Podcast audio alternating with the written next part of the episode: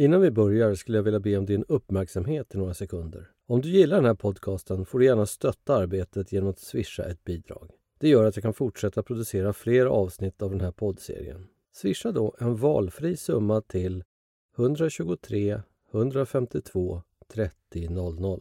Jag kommer upprepa numret i slutet av podcasten. Tack för att du lyssnar. Nu börjar vi.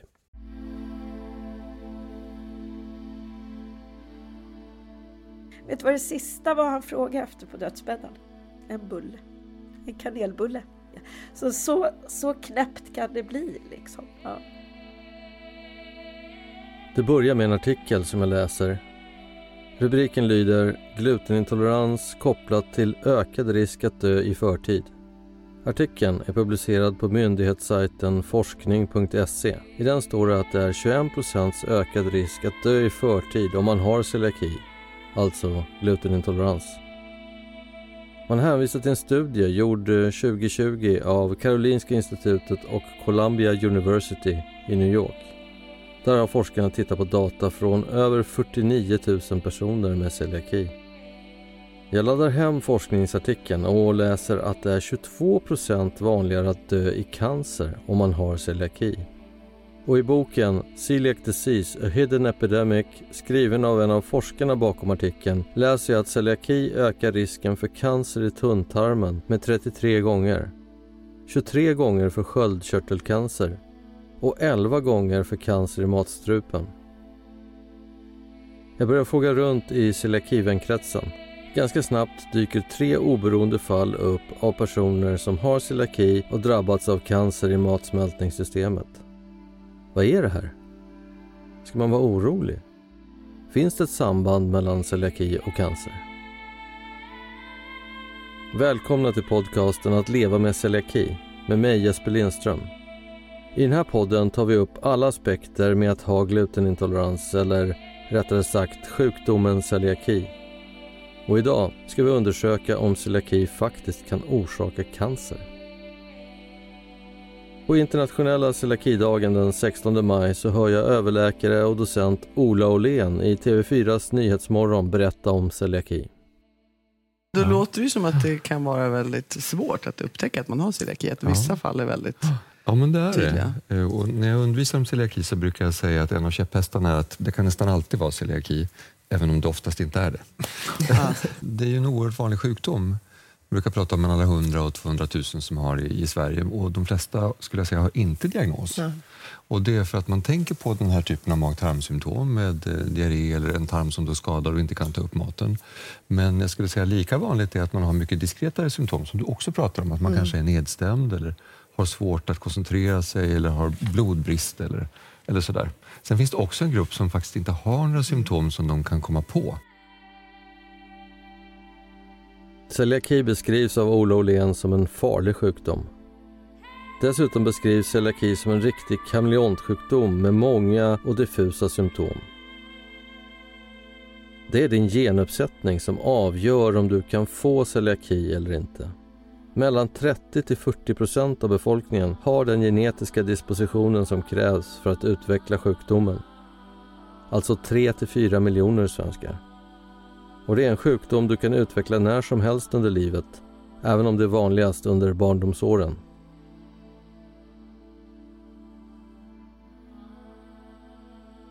Det är en kulen marsdag med blytunga blågrå moln på himlen när jag stämt träff med Svetlana. Vi sitter på ett loft i två gröna fåtöljer i Gamla stan, mitt i Stockholm. Utanför pågår livet som vanligt på de smala gatorna men här inne så har vi ett jobbigt samtal framför oss. Det är ett samtal om Svetlanas man som avled av en aggressiv magcancer för ganska många år sedan. Men minnena gör sig plågsamt påminna den här marsdagen när Svetlana berättar hans historia. Äh, Gud, vad jobbigt direkt. Oh, hur börjar man? Alltså, han hade ju magproblem redan som liten. Så det var mycket, alltså det var mycket med hans eh, mage. Mm. Alltid. Han, jag kommer ihåg historien, han sa han hade så ont så att, att han bet igenom sin fars eh, skinnjacka. Eh, hans far var diagnostiserad. Så jag såg ganska snabbt att han hade problem med magen och så vidare. Så fort vi flyttade ihop så märkte man det ännu tydligare. ju mer han åt och han åt kopiösa mängder när han tränade så såg man att han blev sämre. Så han var faktiskt på en hel del utredningar under våra första tre år innan vi fick barn och det vart allt fokus på dem. Då. Men mm man hittade aldrig någonting. Så där höll vi på. Man vande sig vid det. Det är ju som allt annat. Man vande sig, man visste att han blev dålig så bara ät lite mindre av det här. Det var mer så. Utan det hela eskalerade faktiskt när han hade gått upp väldigt mycket i vikt och bestämde sig för att nu ska han GI. Eh, och då blev han, då mådde han jätte, jättebra. Så han gick på det där i ja, ett, ett och ett halvt år. Sen eh, när han började äta vanlig kost igen, han tröttnade på, på sallad och kött efter ett tag. Så när han började äta vanlig kost så blev han jättedålig efter bara ett par månader. Då gick det väldigt, väldigt fort. Det var, det var så tydligt i när man såg honom som, som ja, men följer honom som individ nära så var det så tydligt att kosten påverkade allmäntillståndet så dramatiskt och drastiskt. Han var stor och stark 40-åring som tränade, han var rektor, han pluggade, vi hade två små barn. Jag var mitt uppe i en vd-karriär så att det, det sista vi gjorde var väl att ta hand om oss själva om man säger så.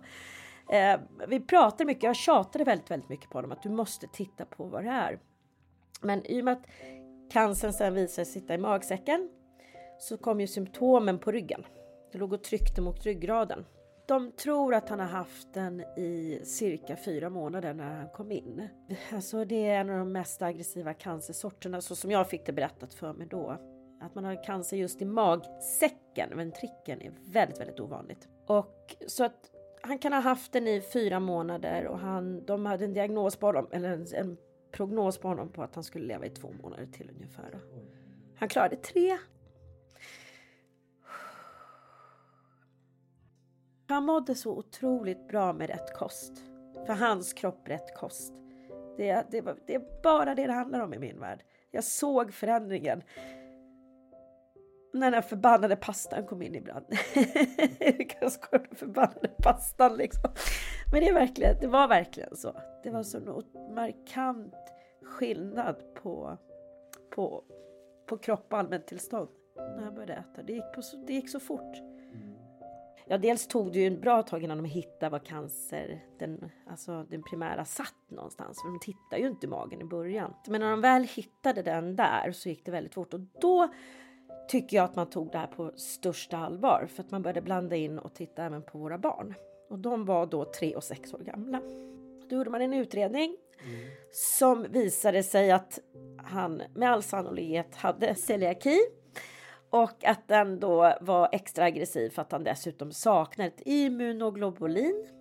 Eh, det är någonting som sitter som antikroppar i, i vad jag förstod i svalget. Och varför han saknade det, vet man inte. Men det triggade ytterligare då eh, glutenallergin då. Så jag är jättetacksam att man gjorde utredningen för det gjorde också att barnen vart ju blodprover på dem direkt. Eh, ingen av hans barn eller våra gemensamma barn hade det då. Det kunde man konstatera. De mår jättebra idag. Så det, det känns jätte, jätteskönt faktiskt. Ja. När han låg inne så tog man ju Tutti. Då först blev han ju konstaterat att han hade glutenintolerans eller celiaki. Jag bet mig ju fast på akuten. De skulle skicka hem honom och sa att det var ryggskott. Mm. Det var ju juldagen när jag åkte in. Ja. Ja. Och då var en kompis med som är läkare så sa hon till mig så här, ja en sak ska du veta så man måste vara frisk för att orka vara sjuk i det här landet. Och lite, det är lite det faktiskt. Man måste ha någon som orkar. Jag stod kvar och vägrade åka hem med honom. Men hade vi åkt hem där så vet jag inte alls hur det hade gått. Då hade det nog gått ännu fortare. Han, han kom aldrig hem faktiskt efter det. Så han, han låg kvar. 23 mars tog han ju.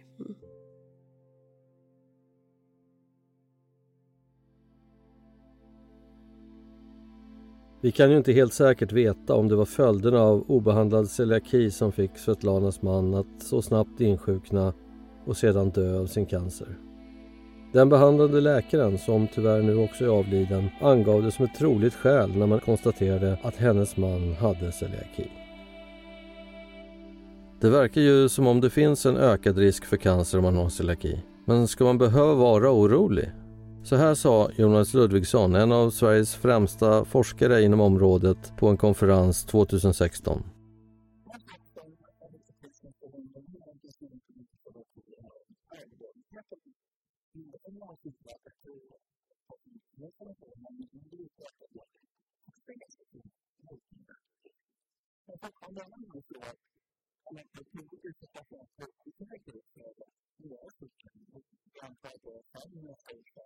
from the one of the second grade in the hand and so the second to six hundred.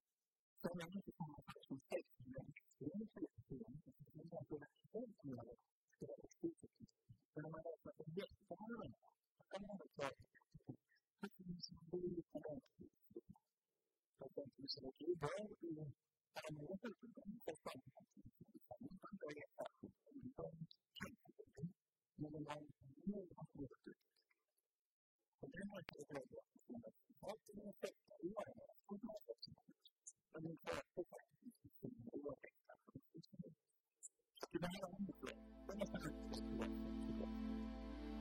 Enligt forskaren Jonas Ludvigsson behöver man alltså inte vara orolig om man sköter sin celiaki. Relativt få dör i förtid och det gör att procenttalen blir höga vid ganska marginella faktiska skillnader. Men vad händer om man har celiaki och inte upptäcker det då? Som för Svetlanas man. Många har ju så kallad dold celiaki där sjukdomen inte visar sig så tydligt. Dessutom är det bevisat att man kan utveckla celiaki när som helst i livet. Och att gå omkring med en ständig inflammation i kroppen ökar risken för cancer. Men hur mycket? Det visar sig att oupptäckt celiaki också är ganska vanligt. I en norsk studie gjorde man en så kallad screening av runt 13 000 personer för celiaki. Det visade sig att knappt 1,5 procent av dem hade celiaki. Men 75 procent av celiakifallen hade inte upptäckts av vården. Även svenska studier på detta har gjorts. Här hör vi Anneli Ivarsson, professor i epidemiologi och folkhälsovetenskap vid Umeå universitet som forskat länge på celiaki. Hon berättar här i ett föredrag om den stora oupptäckta massan som kan liknas vid ett isberg i vatten där bara toppen syns.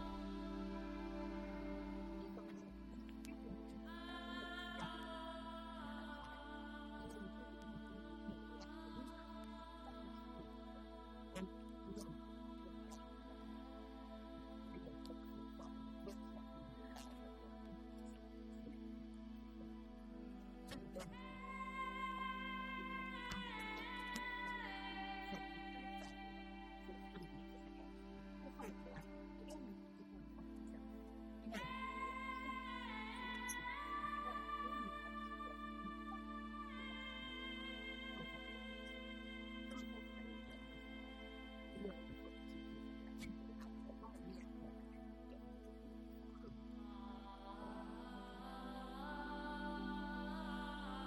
Men tillbaka till celiaki och cancer. Ju fler studier jag läser, desto osäkrare tycks sambandet mellan sjukdomarna bli. Jag hittar till exempel studier som visar att risken för bröstcancer är lägre för kvinnor med celiaki. Jag känner att jag behöver tala med någon som forskat kring detta. Efter många om och men får jag till slut tag på barnläkaren och forskaren Karl Mårild på Göteborgs universitet han är en av de forskare som varit med och skrivit studien som visade att risken för cancer är 22% högre för personer med celiaki. Jag börjar med att fråga om det finns ett samband mellan celiaki och cancer. Det där är inte ett eh, helt enkelt fråga att svara på, men man kan säga att i den studien som vi har gjort då, som är kanske den mest omfattande studien hittills på celiaki och cancer, så omfattar den ungefär 47 000 personer i Sverige som har fått en eh, diagnos av celiaki. Och så jämför vi det med över 200 000 individer i Sverige som inte har diagnosen. Och eh, ser vi till den studien så kan man säga att ser man cancer som ett begrepp så ser man egentligen bara en väldigt liten liten riskökning just runt året för diagnos. Men sen efter ett år efter att man fått celiakidiagnos så, så försvinner den överrisken som har funnits. Det finns ett samband men eh, min uppfattning är att det är ett betydligt svagare samband än vad kanske man har trott tidigare. För att göra historien ännu lite mer komplicerad. Det är ett viktigt ämne ändå, cancer och celiaki. Jag tycker det är på sin plats att göra det lite mer komplicerat. Tittar man noggrannare på olika undergrupper av cancer så hittar vi i vår, vår studie att för lymfcancer, blodcancer eller eh, cancer som drabbar bukspottkörtel och eh, lever gallvägar. De de undergrupper av cancer som jag nämnde där, där finner vi en cancerrisk som finns kvar. Liksom. Och då menar jag att de undergrupperna är lite mer intressanta. Där kan det finnas lite mer substans då till att verkligen tro att det finns en viss riskökning för eh, människor med celiaki. Så generellt behöver man inte vara orolig alltså? Bara ett svagt samband som gäller första året efter diagnosen som man i snitt får vänta på i sju år. Men därefter så finns det inget samband. Fast för några undergrupper av cancer är sambandet något starkare. Men det här med 22% större risk för cancer då, som det går att läsa om i studien, det låter ändå ganska mycket i mina öron. Eh, jag tycker ofta att det är, är, är det är lätt att fastna på de här procenttalen. Vi pratade om det var 1, 21 eller 22 procent och jag nämnde förut att det fanns en 11 procentigt ökad risk om man räknar med det första året. Men det hjälper ibland att också titta på de här, det som vi kallar liksom de faktiska talen. Och det kan man också i den här studien se då att om man skulle räkna med första året så skulle man hitta en extra cancerform om man följer 125 patienter med celiaki under 10 år och motsvarande antal eh, patienter utan celiaki i 10 år. Så det är en extra cancerfall bland 125 eh, celiaki-patienter. Det, det, är en ganska, det är en ganska liten faktisk riskökning ändå. Mycket siffror nu. Men ett extra cancerfall på 125 personer för dem med celiaki. Det låter inte så mycket, men för den som drabbas spelar ju statistiken mindre roll. Fast Karl menar ändå att man inte behöver vara alltför orolig. Jag, jag, tycker generellt sett att man inte som anhörig till någon med celiaki eller som en, en, en person själv har sjukdomen ska vara speciellt orolig för eh, cancerrisken. Finns det en koppling till cancer Ja, men det finns för vissa undergrupper av cancer och eh, det är eh, en, eh, en riskökning som för många undergrupper i alla fall är, är måttlig och en ovanlig komplikation till eh, skulle jag säga. Idag är nog Sverige delat upp ganska mycket i två halvor faktiskt. En 50-procentig grupp som har en, den här genetiska risken att utveckla sjukdomar medan andra halvan inte har det. Så det innebär ju att har man sjukdomsgenen så har man möjligheter men, men att de allra flesta som har den genen kommer inte utveckla sjukdomen. Det kanske rör sig om 9 av 10 i den där halvan som, men som ändå inte kommer utveckla sjukdomen. Om man säger att i, hela befolkningen så är det 2% som har sjukdomen så kommer det vara ungefär i den halvan som har den här genuppsättningen så kommer fortfarande närmare liksom 96 procent ha ingen eh, sjukdom. Okej, okay. man behöver inte vara så orolig. Risken är inte jättestor att man drabbas av cancer om man har celiaki. Men för de 75% som har sjukdomen ovetandes då? Som Svetlanas man?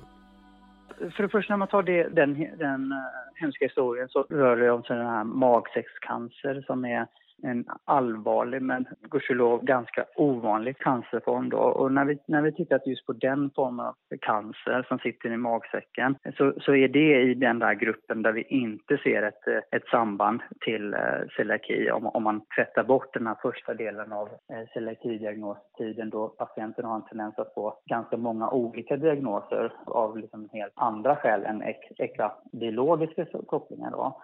Men, men med det sagt då, så tycker jag att eh, min tolkning är att det finns gällande död och odiagnostiserad celiaki finns det studier som talar både åt att det finns en ökad risk men, att det, men också andra som inte visar att det är. Men också när det kommer till cancer finns det just den här eh, fortfarande osäkerheten. Man hade velat ge ett kanske tydligare, ha ett tydligare svar att ge då. Det är svårt att komma runt den här, eh, hitta alla de här med vaga eller ospecifika eller kanske väldigt få eller inga symptom. Men framförallt om man har det i den närmsta familjen så, så skulle jag säga att då, då, då ska man testa sig. En med sjukdomen vars barn eller om det är, ja, eller syskon. Där, där finns det en ökad risk inom den familjen och där borde alla testa sig åtminstone en gång då. En gång tycker jag räcker. Om man är vuxen så, så mm, räcker det med en gång. Är man ett litet barn så, så kanske man kan testa sig ytterligare någon gång. Det finns alltså inget påvisat samband mellan cancern som drabbade Svetlanas man och celiaki.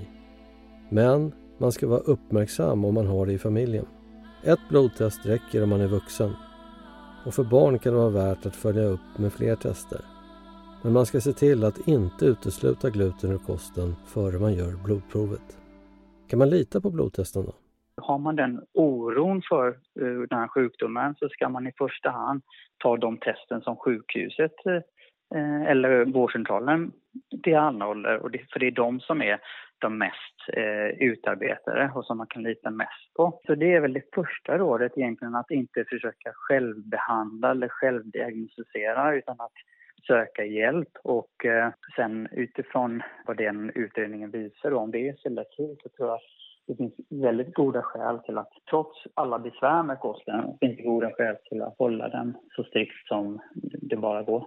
Det är ju inget prov som är 100 procent. Alla prov vi har kan ju av olika skäl bli falskt negativt som man säger. Alltså att det, det visar normalt men man egentligen har sjukdomen. De vanliga situationerna för det är ju att man har eh, omedvetet eller medvetet ändrat sin kost helt enkelt. Att man äter, eh, just som exemplet eh, du nämnde från din tidigare intervju, att man, man i perioder kan minska sitt intag av bröd och pasta eh, till sådana nivåer som gör eh, blodproverna mycket mindre känsliga. Då, då kan man få normala blodprover men, men att det egentligen eh, finns en sjukdom, falskt negativ. Min erfarenhet är väl att de antikroppar vi har idag är, är, är väldigt, väldigt mycket bättre än de som fanns för säg eh, 30 år sedan och som användes då. Så att det är inte jag som är barnläkare träffar barn med celiaki kan ha eh, föräldrar eller morföräldrar som har just haft den här historien av att antikropparna har varit negativa men att det, det krävdes biopsi. Att för, för, mig är det, den historien ganska eh, vanlig just utifrån att antikropparna på den tiden, för 30 år sedan eller så, var, var liksom så mycket sämre än vad de var idag. De har blivit mycket bättre och de, de, de gör sig nog ännu bättre om man eh, liksom över, står på en helt normal kost, inte undviker spannmål och eh, kanske över tid tar Eh, ibland rekommenderar jag att om man är väldigt osäker att man tar ytterligare ett blodprov för att verkligen försäkra sig att det, det första blodprovet inte var falskt negativt utan man låter uppföljningen ha sin gång och, och tar det något år, tid och, år till och, och, och ta ett andra blodprov för att se att det inte har hänt någonting då. Man kan alltså lita på blodproven som vården erbjuder. De har blivit säkrare med tiden och är man orolig för celiaki kan man alltså be om ett test på vårdcentralen. Det är skönt att veta. Men om vi ändå ska försöka sammanfatta lärdomarna så här långt då. Okej, det är störst risk att drabbas av cancer året efter du fått din diagnos. Men därefter så finns det inget samband mellan celiaki och cancer generellt. Det finns ett samband mellan vissa cancerformer och celiaki men de är ganska ovanliga och risken att man drabbas är relativt sett ganska liten. Om du har familjemedlemmar med celiaki eller misstänker att du har celiaki, be då om ett blodtest på vårdcentralen. Ett räcker om du är vuxen. Barn kan behöva ytterligare något test. Se till att inte ändra kosten om du misstänker celiaki, för det kan störa blodtestet. Och om testet visar positivt, ja då ska du hålla en strikt glutenfri diet så att du undviker kronisk inflammation i tarmen. Samtalet med Karl Mårild intygar att man inte behöver vara överdrivet orolig för cancer om man har diagnostiserad celiaki. Det drabbar relativt sett ganska få. Men efter att ha läst olika studier som pekar åt lite olika håll kan jag ändå inte skaka av mig känslan av att det ännu inte är helt klarlagt hur sambandet mellan celiaki och cancer ser ut. Särskilt inte om man har gått länge som odiagnostiserad. Något som inte är ovanligt i Sverige. Liksom det faktum att forskarna inte heller riktigt vet varför celiaki uppstår. Ju mer jag läser, desto mer osäker blir jag. Något som även Karl Mårild konstaterar klurigt. Det är ja, inte... Ja, det är som medicin, ja. det är så. Det, det, det är som eh, biologi eller människan i allmänhet. Det, det är komplext på ordet. Ja. Jag vill rikta ett särskilt tack till Svetlana som delade med sig av historien om hennes man den där kulna marsdagen. Trots att det var jobbigt. Jag hoppas att den här podden gav dig lite ny kunskap. Om du gillar den här podden, glöm inte att lyssna på de andra avsnitten av Att leva med celiaki. Sök då på Att leva med celiaki där poddar finns. Den här podden görs ideellt. Därför får du mer än gärna ge oss ett bidrag så att vi kan fortsätta. Även ett litet bidrag gör en stor skillnad och möjliggör en fortsättning utav serien. Swisha ditt bidrag till 123 152 30 00.